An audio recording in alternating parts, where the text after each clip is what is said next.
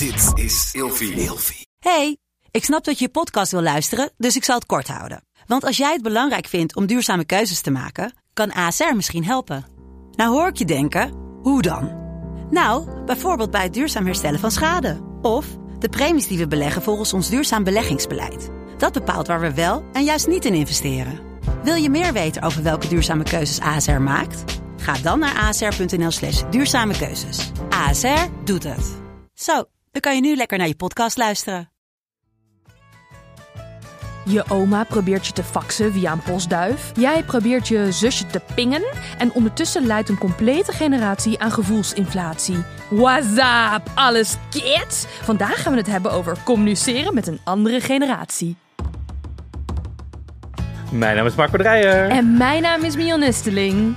We gaan het hebben over communiceren met een andere generatie. Ja, en de generatiekloof die daar vaak bij komt kijken, hè? Ja, want eh, ik denk dat heel veel mensen dit luisteren en denken... Pingen? Wat de fuck is ja, dat? maar wij gaan heel die kloof overbruggen. Ja, wij zijn ook de overbruggende generatie tussen twee uitersten. Ja, dat is toch elke generatie? Ja, maar als je oud bent, die generatie boven jou, die zijn dood nu. En de jongere generatie, die generatie na hun moet nog geboren worden. Patat-generatie. Generatie X is nog niet dood, hoor. Is dat de patat-generatie? Ja, zo heet dat. Dus boven de boomers. Boven de millennials. Nee, ja, dat, maar de generatie daarboven, zeg maar. Die Oh, beginnen ja. nu wel een beetje Die zijn toch om, ook niet dood? om te vallen, misschien. Hoop jij dat ze omvallen? Nou, weet ik niet. Goed, wat heb jij voor... eh, het is heel ongezellig beginnen we. Ik was dus jarig. Ja, eh, leuk. Afgelopen Gefeliciteerd nog. woensdag. Ja, en daarom wilde ik het graag over dit eh, onderwerp hebben. Want jij hebt allemaal postduiven binnen gehad. Mm, mensen zeggen wel, ja, nu word je echt oud. 32. Ja, Ik ben ook 32, dus ik ben ook echt oud. ja nu word je echt oud. Nu word je echt, Echt oud. volwassen. Ja. Ik word, ik, volgens mij word ik nooit echt volwassen. Wat is echt volwassen? ehm, Dat je belasting betaalt? Is dat, dat echt je blij volwassen? wordt van een nieuwe stofzuiger. Weet je wat ik van mijn vriend heb gekregen? Een nieuwe stofzuiger? Een creusetpan. Dat is een creusetpan Een pan van 300 euro. voor op je keukeneiland. Voor op een keukeneiland. Maar wat kan je daar, waarom heb je een pan van drie, wat kan je daarmee koken? Levenslange garantie. Ja, dat is zo'n gietijzeren pan. Zo'n emaille pan. Dat is echt prachtig. Oh, dus dan blijft de smaak er ook helemaal in hangen. Nou, dat kan je echt in stoven, in braden. Ja, het is gewoon een fantastische pan. Het is echt de... de pan der pannen. Ja, dat is wel echt de Aston Martin onder de pannen, ja. Goed, wat heb jij voor het eerst gedaan? Ik ben voor het eerst naar het buitenland gegaan voor een conferentie. Oh, leuk. Wat voor conferentie? Ik ging eh, naar RuPaul's DragCon, dus een, een conferentie voor drag queens, eh, voor, ehm, om daar een, een podcast te maken. Dus er waren 150 drag queens, meerdere stands, ook waar je allemaal dingen kon kopen. Je kon de Teletubbies meet en greeten, dus dat heb ik ook gedaan. Zijn dat drag queens? Nou, ik weet niet, maar om de een of andere reden zitten zij heel erg in de queer cultuur. En de, de rij bij de Teletubbies, Tinky Winky is een man met een handtas. Ja, maar de rij bij de Teletubbies was het langst het hele weekend. waren het de echte pakken? De echte pakken. Ik heb gehoord dat je die pakken maar 10 minuten aan kan. Ja, dus er was ook, je moest altijd van tevoren moest je in de rij staan. Dan kwamen ze zo aan, hobbelen zo. En dan moest je in een soort enorme razende reporterstijl. Je moest je jas en je tas al afdoen. Dan kwam er iemand van de organisatie, daar gaf je je telefoon aan. Die maakte zo'n foto. en dan moest je zo, stond je echt 20 seconden en door. Dat dat was iedereen, want die mensen konden dus maar een half uur in dat pak. Want anders Ja, ga je hartstikke dood. ga je hartstikke dood. Ja. Ja, die zijn zo zwaar en onhandig. Ja, dus dat was echt een half uur. Dus er stond al een uur van tevoren een rij bij waar die Teletubbies kwamen. En dan zag je iedereen zo, moest iedereen er doorheen gejast worden in een half uur. En Waren het ook echt de echte acteurs of waren het gewoon de echte pakken? Nou, dat weet ik niet. Ik, de, de eerste, de- volgens mij wel de echte pakken. Oh ja, sorry, ik ga helemaal van hak op de tak. maar de Power Rangers. Ja. Want dat doet me ook. Ik zat gewoon te denken aan tv uit de jaren negentig. Ja. Ik zit nog een beetje in mijn verjaardagsvibe. De, de rode Power Ranger heeft in het echte leven zijn huisgenoot neergestoken met een samurai zwaard. Wat een prop was uit de Power Rangers. Maar, hè? Ja, bizar toch? maar waarom? Ja, die Gewoon was gewoon ruzie. heel instabiel, die rode Power Ranger. In de serie al, dacht ik al. Nou. Eh, Was jij, keek jij veel Power Rangers? mm, niet echt. Ja, was, oh, dus ik kan nu niet vragen welke was jij altijd. Nee. Oké. Maar ik wil sowieso niet meer de rode zijn. Nee, wel sowieso. nee, dus ik heb de Teletubbies ontmoet en was vooral heel overprikkeld na drie dagen. Heel veel drag queens en, en heel veel eh, enthousiaste fans die schreeuwen en rennen. En eh, dus, pff, maar wel leuk om te doen. maar wel Ja. echt, echt heel druk was Ja, het. ik zit helemaal niet in die eh, scene. Nee, maar de Teletubbies ontmoeten is wel Ja, dat is wel een lifelong dream wel. Dat je dat zo kan af... eh, dus ik heb foto's, dus die zal ik ehm, ben ook wel een beetje aangerand door Po, moet ik zeggen. Oh, Ja, het, was, het zijn ook hele rare foto's. Want er, ik, je ziet, we, zijn, we gaan met z'n vieren op de foto. Dus iedereen bij één Teletubby. En alle Teletubbies kijken gewoon naar voren. Maar om de een of andere reden kijkt Po naar mij. En een van zijn handen is ook aan de achterkant bij mij aan het wrijven. Ja, ik weet niet wat deze persoon in dit Po-pak dacht. Maar het is heel raar. I don't know. jeetje. Ja, heftig wel. het is wel gebeurd. En staat op foto. Dus ik zal het delen. Ja, wat een bizar gesprek is het eigenlijk. Wat moet je hier? Wat zou hier? Ja, nee, dus dit is ook gebeurd. Ja. ja, wat heb jij voor Ehm. het eerst gedaan? Nou, ik zit hier werkelijk waar. Overtreft dit maar. Trouwens, ik heb nog een tip voor de mensen Oh. die denken, dit wil ik ook meemaken. Het is niet helemaal hetzelfde, want een Teletubby ontmoeten is wel echt... Ja, dat gaat Ja. gewoon niet elke dag gebeuren. Want je gaat ook... Ja, die, ja, het is een levensgevaarlijk pak, dus die hebben ze niet zo vaak aan. Maar in Museum Vlaardingen kan je dus heel vaak eh Bassie en Adriaan ontmoeten. Het gaat nu wel heel slecht met Bassie, dus het is meestal Adriaan. Oh ja. Maar die komt echt, want die komen uit Vlaardingen. Om de haverklap zitten zij aan het museum voor meet and greets. Oké. Dus houd dat even in de gaten als je een eh, AliExpress versie van jouw ervaring wil. Ja. Dan, eh, maar de echte Bassie en Adriaan, zeg maar. Ja, hoe bedoel je de echte... Ba- Gewoon- wie anders? ja, weet ik veel. Misschien iemand, ik heb geen idee, in een clownspak. Of nee, in een, nee, de, echte Bassie en Adriaan. Je kan ook die, die, camp, die camping van hun, de camper van hun kun je huren. Die auto en zo voor feest en partijen. Die is ook ergens gewoon te huur. Dat wil ik een keer. Daar gaan we iets mee regelen met een sponsor Als wij een keer, of ja, of als wij een keer een borrel kunnen geven, dan moet die auto erbij. Ja, Ja, dat wil ik. Ja. oké, nou. Ehm, nou, ik zit hier dus bevroren. Want ik ben hier naartoe gekomen midden in de winter op mijn nieuwe scooter. Eh, ik heb namelijk een scooter gekocht. Ehm, ik heb hem gekocht waar, eh, ja, inclusief duct tape al. Dus er zijn verschillende onderdelen die aan de scooter vastgeplakt zitten met duct tape. Zo heb ik hem gekocht. Daar, daarom viel, werd je ook verliefd op deze scooter. Ja, ik, ik had gewoon, ik heb zo'n scootermannetje in mijn leven. Oh ja. Ja, dat is niet mijn eerste scooter namelijk, maar eh zo mijn eerste echt, echt pauperscooter. ik zei, heb jij voor mij een scooter die eh, Rotterdam overleeft? Want ja, dan ga je niet met een hele dure Vespa rondrijden, want ja, die wordt gestolen, in elkaar getrapt, weet ik het allemaal. Dus ja, ik heb mezelf een eh, verjaardagscadeau gegeven. Het was een pauperscooter. Hij is super handig. Ik ben er al vier keer mee naar de Bramladage gereden. Dat is echt top gewoon, om een patatje te eten. En ehm, Geel dus kenteken of blauw kenteken? een blauw kenteken. Want dan hoef je niet achter de auto's. Dan ben je echt sneller in het verkeer in een grote stad. Ja. En eh, ja, ik moest het dus helemaal eh, overschrijven. Dat kan tegenwoordig met een app. Daarom wilde ik dit graag vertellen. Vroeger moest je dan met degene, met de vorige eigenaar, naar het postkantoor. En dan moest je dat handmatig overschrijven. Tegenwoordig kan dat heel handig met je DigiD. Eh, kun je dat digitaal overschrijven, direct op de locatie waar je hem koopt. Of van degene die, eh, die hem verkoopt, bijvoorbeeld op Marktplaats. En eh, ik moest vooral bij het tankstation heel erg lachen. Want ik rijd dus normaal gesproken in een Volkswagen bus op diesel. Een volle tank kost dan 220 euro. Mhm. Een volle tank op mijn scooter. Mag jij raden? Ik heb echt geen idee. Maar wat, eh, Noem iets. 20 euro? Drie. De- Drie euro. Jij gaat nooit meer met een auto. Ik ga nooit met de auto. Nee, maar daarom ben ik hier dus ook op de scooter naartoe gekomen. Normaal doe ik dit soort dingen wel met de auto. Naar de Bassie en Adria meet and greet in Vlaardingen. nou, op Vlaardingen kan je scooter. prima aanrijden op scooter. Vanuit Rotterdam. Dus Ja. top. Nou, top. Heeft jouw oma eigenlijk een scooter? Heeft mijn oma eigenlijk een scooter? Mijn oma heeft geen scooter. Ook, mijn oma heeft ook nooit de rijbewijs gehaald. Allebei niet. Allebei de oma's niet. Ehm, nee. Ja, want we gaan het dus hebben we gaan over het hebben over generatiekloof. aflevering. is één grote wet. We gaan het over generatiekloof hebben. Dat kan natuurlijk beide kanten op. Dus je kan, zoals voor ons, communiceren met Gen Z. Ja. Of communiceren met boven ons. Dus Ja, eh, met vaders, generatie... moeders, opa's, oma's. Want wij zijn natuurlijk generatie I. En Ja. ik heb weinig problemen met communiceren met generatie X. Maar ik heb wel grote problemen af en toe met ouder.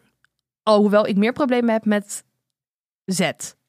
Ja, dat is wel het grootste. Maar ik denk dat iedereen Oei, daar... oei, oei, Maar die doen ook dingen finaal anders. Maar ik ga hier ontzettend, deze aflevering, ontzettend hypocriet uit de verf komen. Ik, zeg, het van, ik zeg het gewoon van tevoren. Ja. Dan kan het alleen maar meevallen. Ik ben heel benieuwd wat je hier... ehm, wa- wat is je meest recente ervaring dat je dacht, dit gaat helemaal mis? Nou, het is niet mijn meest recente ervaring. Oh. Het is namelijk niet mijn ervaring, maar het is die van mijn vriend. Eh, mijn vriend is docent en die hoorde twee collega's, laten we ze maar gewoon boomers noemen, boomer-collega's, Ja. hoorde hij eh, praten op de gang. En hij zei, eh, die zeiden zo van, ja, burn-out dat is helemaal niet wetenschappelijk bewezen. En de generatie X en Y is echt de pamper-generatie, die kunnen helemaal niks meer. En ik dus mijn vriend vertelde dat en ik schrok daar best wel van. Want ik denk, dit zijn docenten. Die moeten een nieuwe generatie opvoeden. En die staan zo tegenover mensen die het moeilijk hebben of zwaar hebben. Totaal geen empathie voor hoe het is om op te groeien in een compleet andere omgeving dan dat jij zelf bent opgegroeid. Compleet andere problematiek, compleet andere, weet je wel, jongeren met klimaatdepressie. Ik, ik, ik werd daar echt boos en verdrietig van.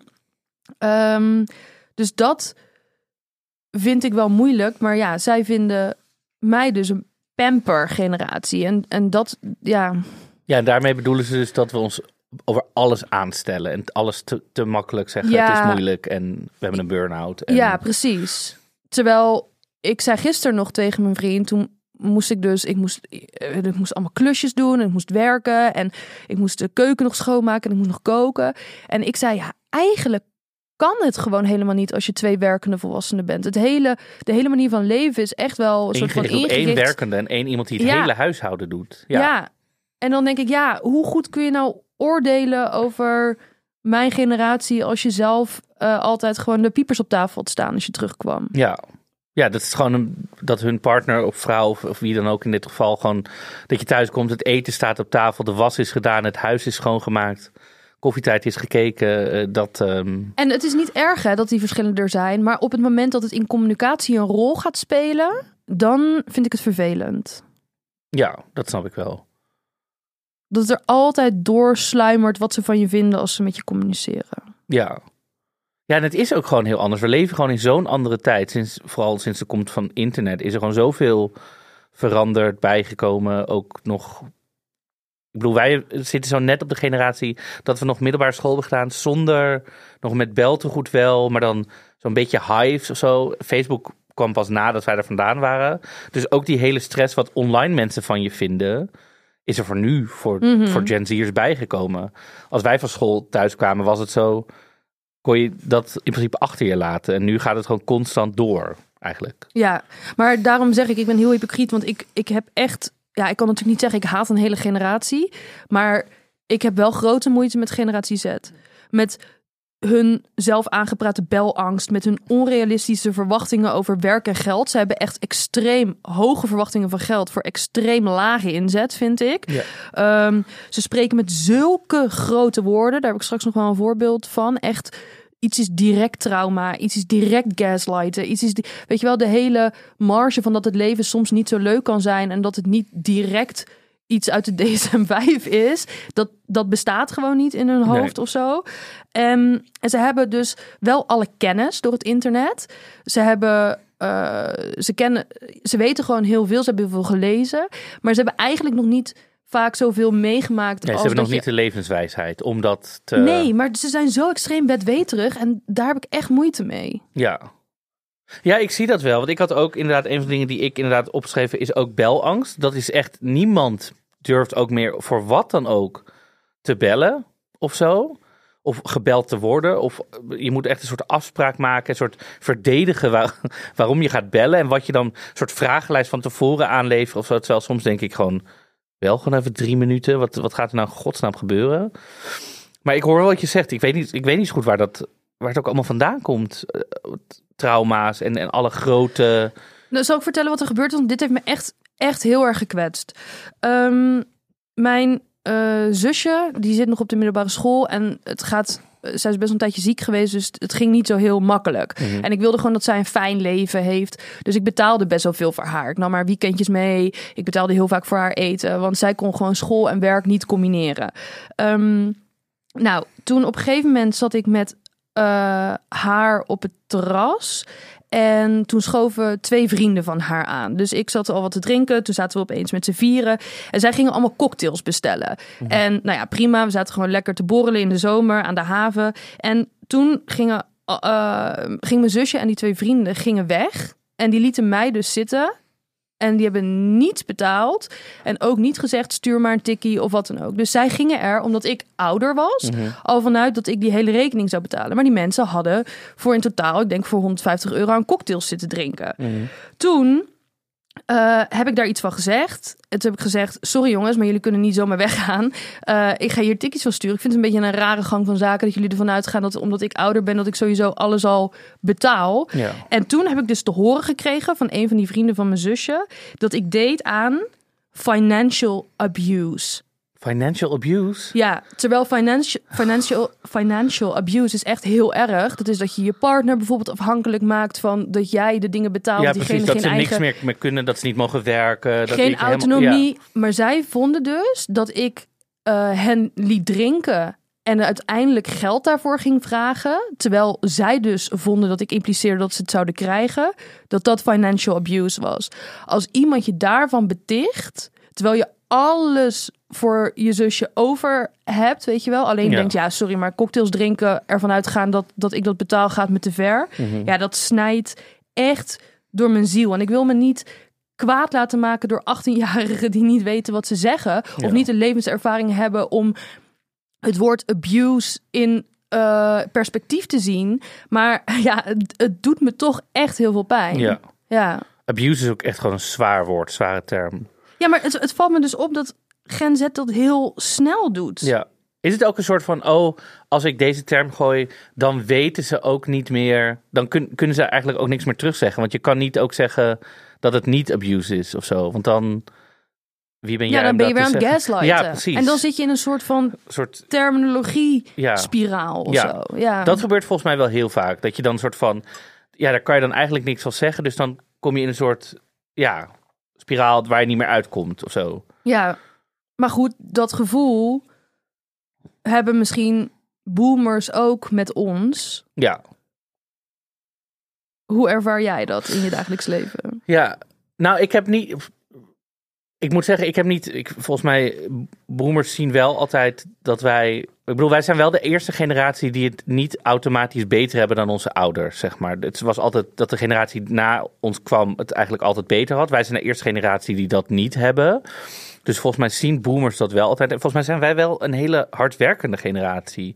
Er is ons wel altijd verteld, je kan alles doen wat je wil, dus doe dat ook vooral. En dus volgens mij zit er meer problemen in dat iedereen eh, freelancer is of marketing specialist of zo. Dus dat we daar heel veel klachten over krijgen. Dus dat we misschien niet meer... Wat is eh, een quote die ik laatst hoorde van... Ja, iedereen zoekt een huis, maar niemand wil ze bouwen of zo. Dat was zo'n Oh, quote. ja. Dus dat is zo'n ding van ja, niemand van jullie wil in de bouw werken, want jullie willen allemaal hoog opgeleid zijn, of nee, niet hoog opgeleid, eh, theoretisch opgeleid zijn. Ehm, dus het ligt meer daarin. Maar volgens mij krijgen wij niet over ons heen van jullie werken niet hard of jullie. Dat is meer inderdaad van ons weer naar beneden. Mhm. Maar ik heb inderdaad ook, wat, volgens mij, ik communiceer best wel weinig volgens mij met Gen Z of de generatie na ons. Maar ook toen ik hier een beetje ging induiken en dat ik dus ook daarachter kwam dat ik blijkbaar ook door reacties op onze eerdere podcasts of TikToks op onze kanalen, zeg maar, Wat is er dan? dat we verkeerde emoties gebruiken. De, voor- in een vorige aflevering begon ik over van, nou, ik heb even een millennial zeik dingetje. En dat ging toen over de Oh ja. vele inboxen. Maar toen zei jij, heb je verkeerde emoties gebruikt? Eh, werd je door Gen Z afge... Nou, dat is een TikTok geworden, hebben we online gezet. Op TikTok vond Gen... Toen gebruikte ze namelijk weer die emoties met die traan dingen van ha, ha, ha, ha. En toen kregen er onder al die reacties, nou, maar ze gebruiken nou nog steeds de verkeerde emoties. Want dit is natuurlijk... Maar dit is toch ook. Oké, sorry, maar ja, ik wil niet heel zet, eh, eh, Gen Z afzeiken. Maar dat je met extreem grote woorden als financial abuse en gaslighting en wat dan ook gaat gooien. Maar je ondertussen druk loopt te maken over welke emoji iets oudere mensen gebruiken.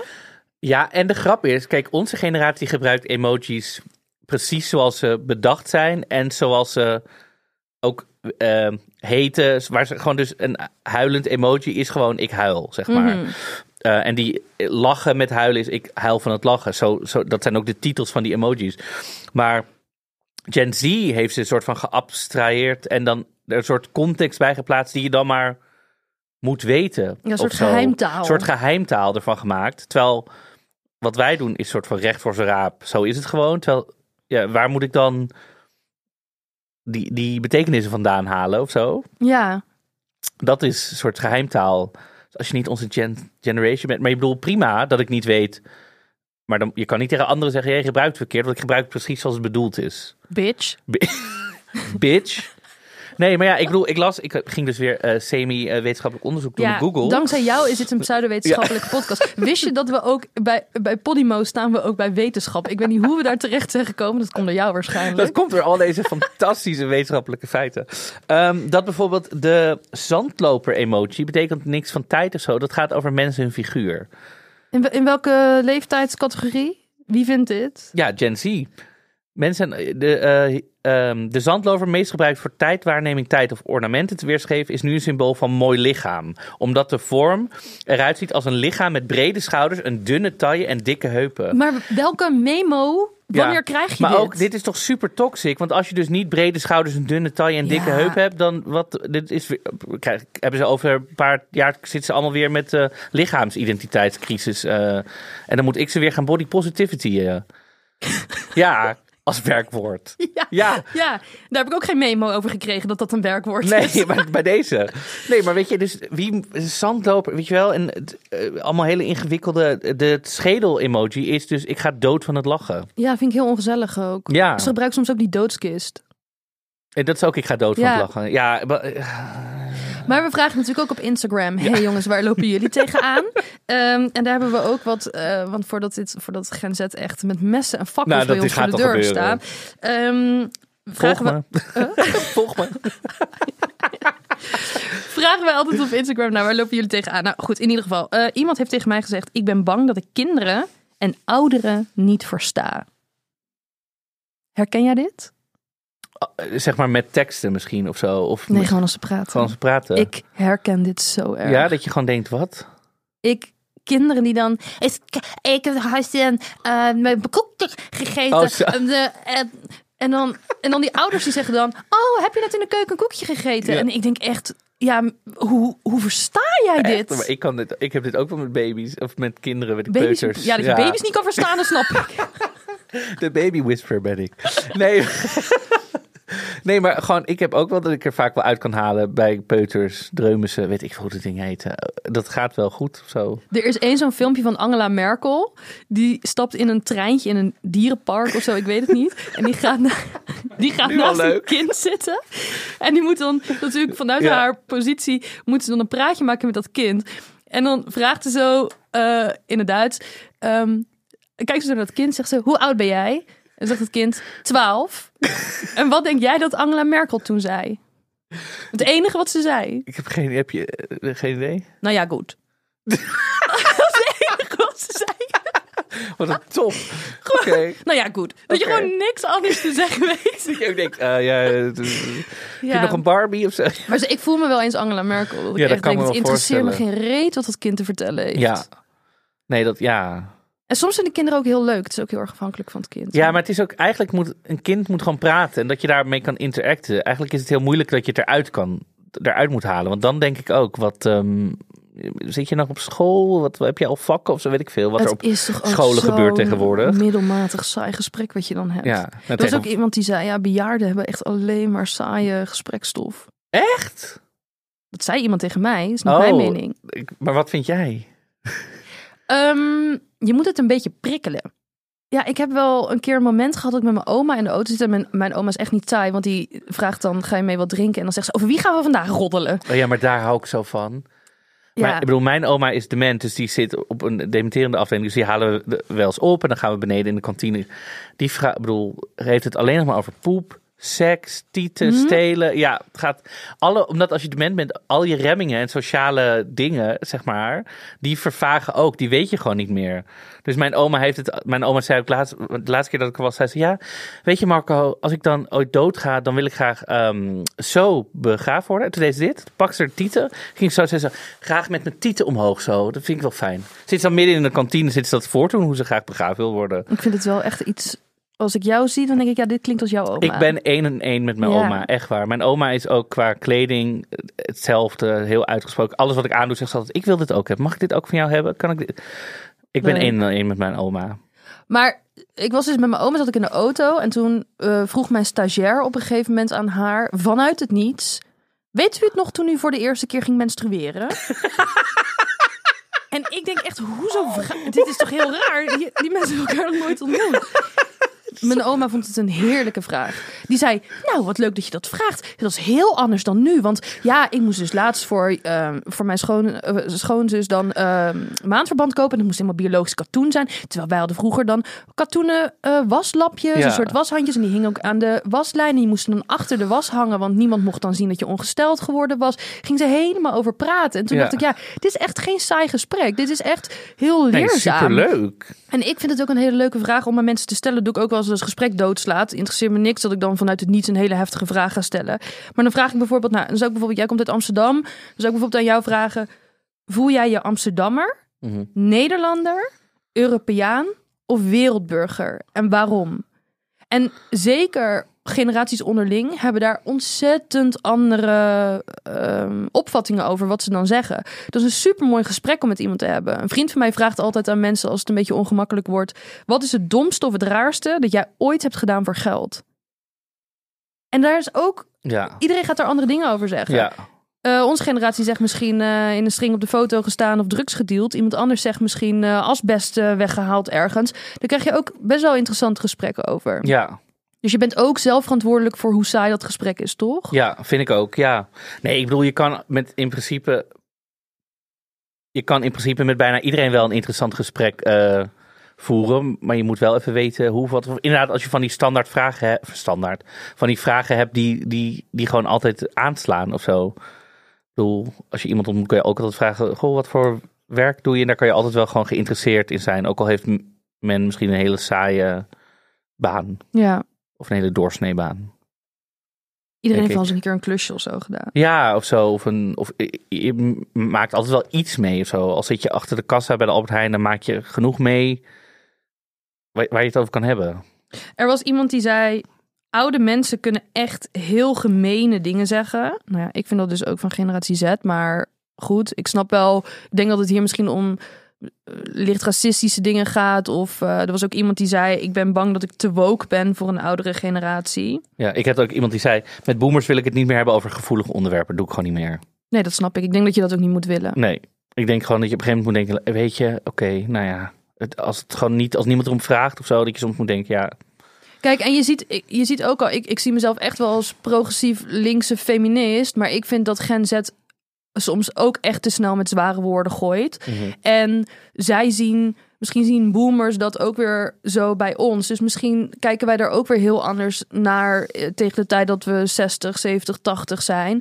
Ik, ja, ik probeer ook met dezelfde compassie naar hen te kijken zoals ik, weet je wel, zij zijn ook weer in een andere tijd opgegroeid. Dus ik vind het ook moeilijk om mijn gedachten op te dringen aan iemand anders als iemand niet mijn leven heeft gehad. Dat gaat gewoon niet. En dat gaat zeker niet in de tien jaar dat iemand nog te leven heeft.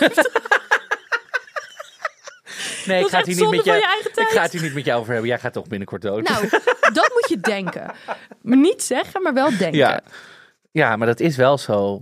En ook dat je denkt, oh ja, jij, hebt, jij met je drie vrienden, je koffievriendinnen, laat maar, dit is prima. Ja, en ik denk dat uiteindelijk heb je wel altijd een soort van ehm, ethiek waarin je waarschijnlijk best wel overeenkomt. Je moet alleen niet naar de incidenten kijken, denk ik. Ja. Jij wilt toch ook dat. Ik bedoel, de PvdA was een ontzettend grote partij. omdat ze opkwamen voor de belangen van de arbeiders en de middenklasse. Mhm. Ja, dat heeft ergens echt wel raakvlakken met bijvoorbeeld het woonprotest nu of wat dan ook. Ehm, dus die onderliggende normen en waarden, daar moet je denk ik naar op zoek gaan. En vooral niet te veel over hoe de wereld er nu uitziet praten. ja. Iemand zei bij mij ook, ik snap alle straattaal en afkortingen niet meer. Wie praat er in straat? Ja. Wanneer kom je mensen tegen dat je zegt, je, Jo, nou ja, als je met mijn broertje praat. ja hoor. Als ik met mijn broertje nu afspreek, komt hij altijd, yo, dan, hoest. die praat ook zo tegen jouw Ja. ouders. Ja. Gewoon everywhere, altijd, overal. Ja, Maar dan is hij toch het probleem, niet degene die dat niet snapt. nee, maar die, mensen denken wel, ja, eh fuck dan. Eh, helemaal is, die mensen zitten waarschijnlijk in de stress en denken, zitten nog weken thuis. Fuck dan, fuck dan, ik weet het niet. Nee, maar er zijn dus zeggen- mensen die zo wel praten. Wat zeg jij? Dat reageren. Dat zou ik wel zeggen. Ja. Wat zeg? Ja, ik ben op een gegeven moment daar zo aan gewend. Dat hij af en toe de woorden gebruikt. Dat ik denk, oké, nou. Ik ehm, werd uitgelachen door iemand die jonger was dan ik. Want ik gebruikte het woord nooit meer aan gedacht. Iemand die een wannabe is. Als in, if you wanna be my lover. Nee, als in iemand die zich. ehm, ja, wannabe. Gewoon iemand die niet echt Cool punk is, is, maar je- ja. maar wel een beetje punkkleren draagt. Maar het Ja. gaat net niet. Die is een wannabe. Zeiden jullie dat vroeger ja. ook op Ja, school? Nou, dat zegt echt... Ik werd uitgelachen. Wat een fatu. Ja. Komt nu allemaal weer naar boven. Zo'n cringe podcast aflevering. Oké.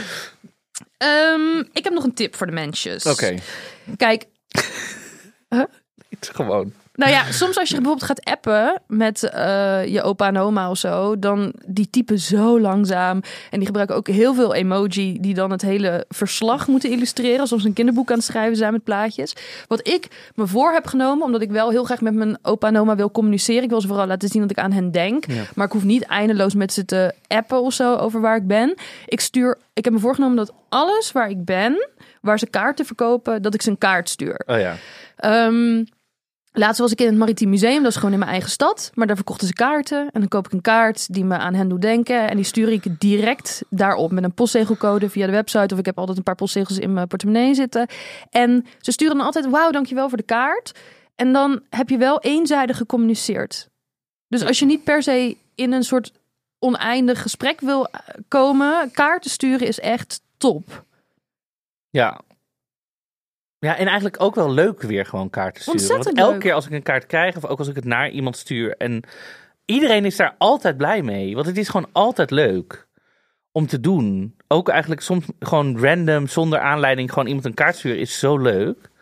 Ik heb wel het gevoel dat mijn oma ze altijd in het zicht hangt om aan de andere kleinkinderen te laten zien Kijk. dat ik. Ja, kijk, Mion stuurt me wel kaarten. Bij de voordeur zo. Ja. Zo'n. Kijk, hier krijg ik wel kaarten van. ja, Ja, doe jij ook nog een kerstkaarten? nee, dat heb ik nooit gedaan. Nee. Nee, natuurlijk nee.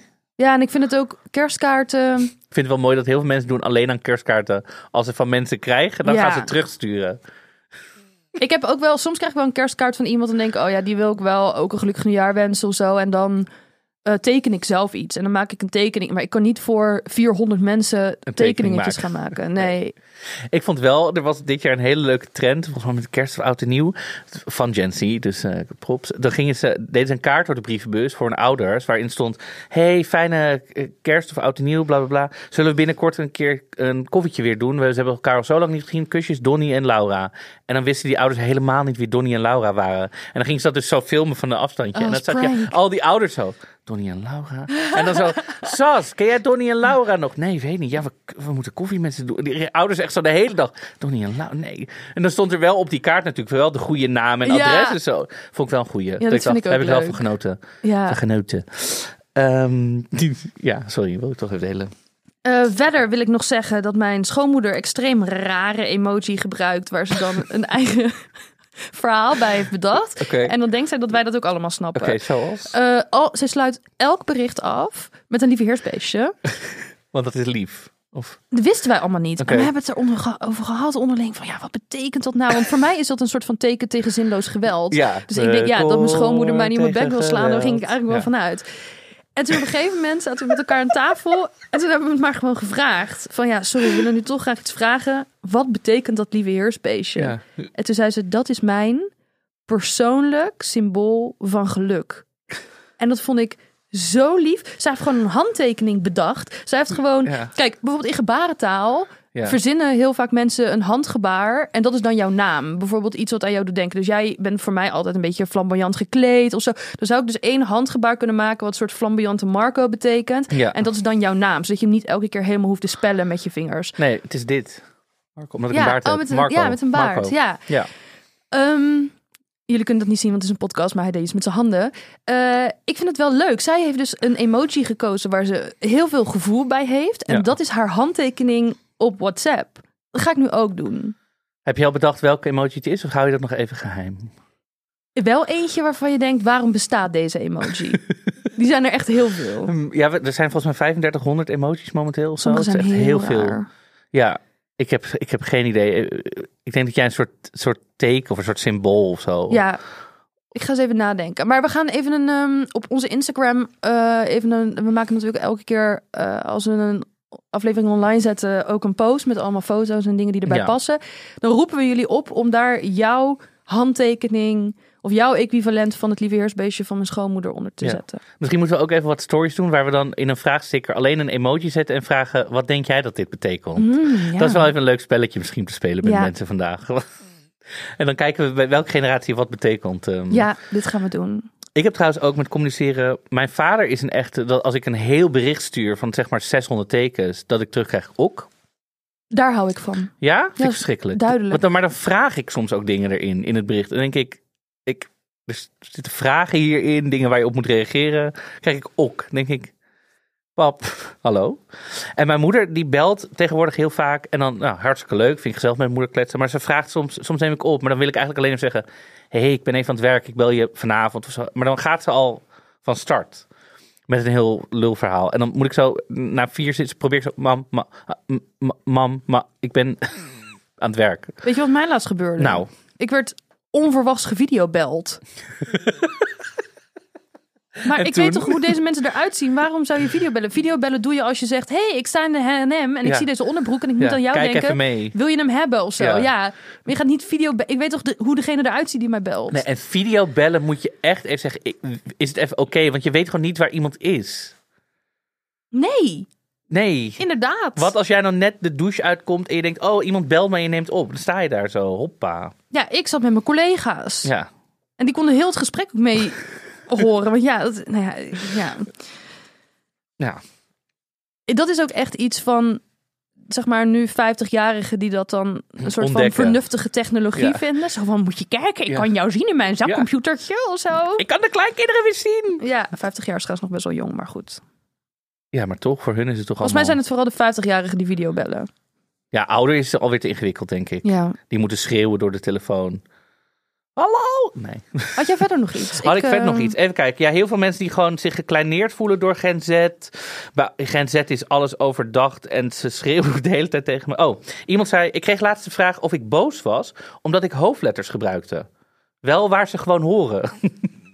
Ja, maar dit... Oh, ja, ik, ik wil er geen afzeikshow van maken. Maar Gen Z is dus gestopt met het gebruik van hoofdletters... want dat vinden ze te agressief Ja. staan.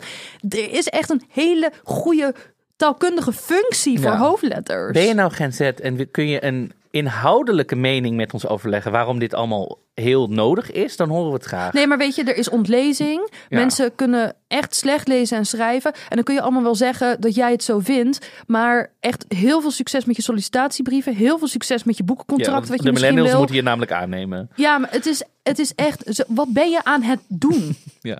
Wat ben je aan het doen? Ik ga vanaf nu niet meer op mijn voeten lopen, want dat vind ik onzin. Ik ga alleen nog met mijn handen lopen. Maar ik las laatst ook online, was er een discussie gaan dat eh, als je goed kan spellen is ook wel een beetje elitair. Want sommige mensen hebben niet de kans gehad op een goede... Nee, maar geen hoofdletters gebruiken is een keuze. Ja, Dat is iets heel anders dan, dan heel erg goed kunnen, de taal kunnen beheersen. Er zit heel veel tussen. Misschien moeten we alleen nog maar in emoties eh, vanaf nu communiceren. Oei, oei, oei. Weet, je, weet je wat ik echt... Nu, nu ben ik toch al... Ik zei dat ik heel onsympathiek uit deze podcast... ja. Dat ik heel onsympathiek... Weet je wat ik echt gezeik vind? Nou, vertel. Een wannabe? Weet je wie echt een wannabe is? Tim Hofman. Weet je wat Tim Hofman doet? Die gaat dan in zijn captions, Ja. als hoe oud is die vent? 36 of zo? Ja. Gaat hij geen hoofdletters meer gebruiken. Omdat hij weet dat zijn achterban Gen Z'ers zijn. Of weet ik veel wat daar gebeurt. En hij gaat nu geen... Wat, wat probeer je? Waarom probeer je cool te zijn bij fucking eh, 16-jarigen? Dit is hoe ze zijn. Ja, maar een man van dat ze doen. 36 zonder hoofdletters, om cool... Ja, nou ja, goed. Ik kom niet eens maar uit mijn woorden. Maakt wel goede programma's, vind ik. Ja, nu nog hoofdletters gebruiken. Nee, maar verder dat iedereen dus, hele generaties dus gestrest zijn door Gen Z, heb ik verder geen toevoegingen meer. Nee. Zij worden echt gezien als een beetje een arrogante, verwaande, Ja. zelf ingenomen. Ja, maar we zullen zien als ze allemaal van school komen wat ze ervan breien en of er wat van terecht komt. Wacht maar tot ze in de Tweede Kamer zo komen ooit, in de politiek gaan. Ja, het wordt helemaal Hoe gaan ze al die wetsvoorstellen schrijven zonder hoofdletters? ja. Is te agressief. Ja. Nee, ja. Wat, welk nummer hebben we hiervoor uitgekozen? voor de Spotify ja, afspeellijst? daar heb ik wel iets voor. Ik wilde alleen nog zeggen, ik ben natuurlijk jarig geweest woensdag. ja. Weet je wat me nou echt een leuk verjaardagscadeau lijkt? Nou, vertel. Ik denk dat jij het wel weet. Vijf sterren. Ja. Want we willen natuurlijk podcastmiljonairs worden. Ja. Ja, en we hopen natuurlijk op alle vijf sterren van alle Gen Z'ers, toch? Want jullie vinden ons toch wel leuk. We hebben het helemaal bij ze verpest. Ja, al onze rating gaat naar beneden. Goed. op Spotify ook te vinden een playlist. Oh, Die heet ook allereerste dingen, die is ietsje anders van kleur. En daar voegen we elke keer een toepasselijk nummer bij. Eh, deze keer gekozen voor het boegbeeld van Gen Z. En toch wel de manier waarop zij met licht tot zwaar main character syndrome, nog zoiets, eh, de wereld waarnemen. Ja, het boegbeeld daarvan is toch wel Olivia Rodrigo. Ehm, het ligt in haar liedjes altijd aan een een of andere guy. Eh, nu ook weer in deze. Iemand die een sociopaat zou zijn omdat hij vrij snel over haar heen was. Aan haar ligt het in ieder geval niet. Ik heb gekozen voor Good For You van Olivia Rodrigo. En for is dan geschreven met een cijfer. Want Gen Z heeft haast en is too cool om een woord volledig uit te typen. Nou, ik ben benieuwd wat we terugkrijgen op deze podcast. Tot volgende week. Tot volgende week.